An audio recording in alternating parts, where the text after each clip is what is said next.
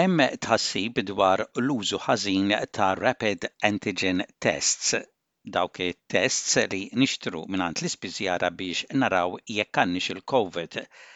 Jista' jkun li dawn it-testijiet mhumiex qegħdin jagħtuna stampa ċara tal-virus billi xi uħud minnhom jistgħu jagħtuna riżultat falz ħafna drabi għax ma jintużawx tajjeb. Ir-rapid antigen tests saru komuni ħafna f'dawn l-aħħar xhur. Li nieħdu test għall-Covid permezz ta' dawn it-testijiet saret parti mill-ħajja ta' ħafna nies. Imma xi esperti tas-saħħa jgħidu li dawn it-testijiet qegħdin joħolqu sens falz ta' sikurtà. Il-Professur Peter Collingan, tabib li jaħdem fil-mard infettiv fl-Università Nazzjonali ta' Canberra jgħid li r-rapid antigen test mhux dejjem tista' toqgħod fuqu. l-aħjar arma kontra il-Covid-19 tibqa' t-tilqima. Jgħid li bir-rapid antigen tests jekk ma ikollok l-ebda sintomi x'aktarx li jinsabu sa 50 fil-mija tal-każijiet. Bit-tilqim tkun protett kontra kull imxija preżenti tal-virus u oħrajn li jistgħu jitfaċċaw fil-futur. We've got an over reliance and we sort of overestimate their accuracy. If you don't have any symptoms, it probably only picks up 50% of cases. The reality is, if you're vaccinated, you're well protected against the current strains and all previous strains and very likely new variants to come. Esperti jwissu li riżultat negattiv tar-rapid antigen test ma jfissirx li dik il-persuna ma għandhiex il-virus jew li ma tistax tgħaddi l-virus lil ħaddieħor.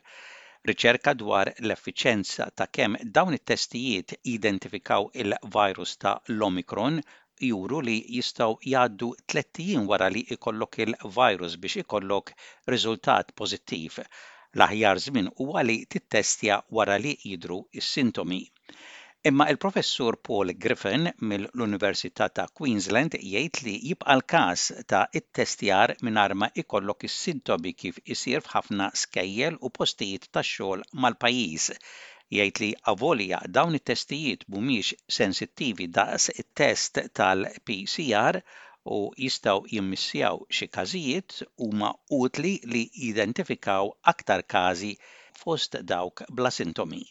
We know their sensitivity is below that of PCR so they they can miss people even while they are infectious. It's a useful way of finding at least some additional cases, particularly those who who may have no symptoms, but it's certainly not perfect.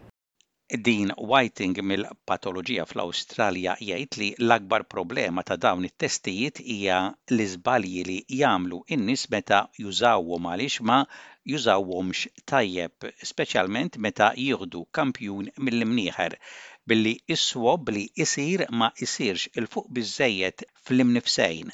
Jgħid li biex tagħmel swab tajjeb ikun daqsxejn skomdu sakemm tħoss id-dmugħ f'għajnejk. It should be slightly uncomfortable, it should make your eyes water a little bit and once you get to that stage then you can be sure that you're um um getting to the right surfaces in the nose. Whiting jgħid li testijiet bħal dawn issa huma disponibbli għal ħafna mard infettiv. Esperti tas-saħħa jgħidu li qegħdin jikkonċentraw fuq l-influwenza b'kits simili bħal tal-Covid 19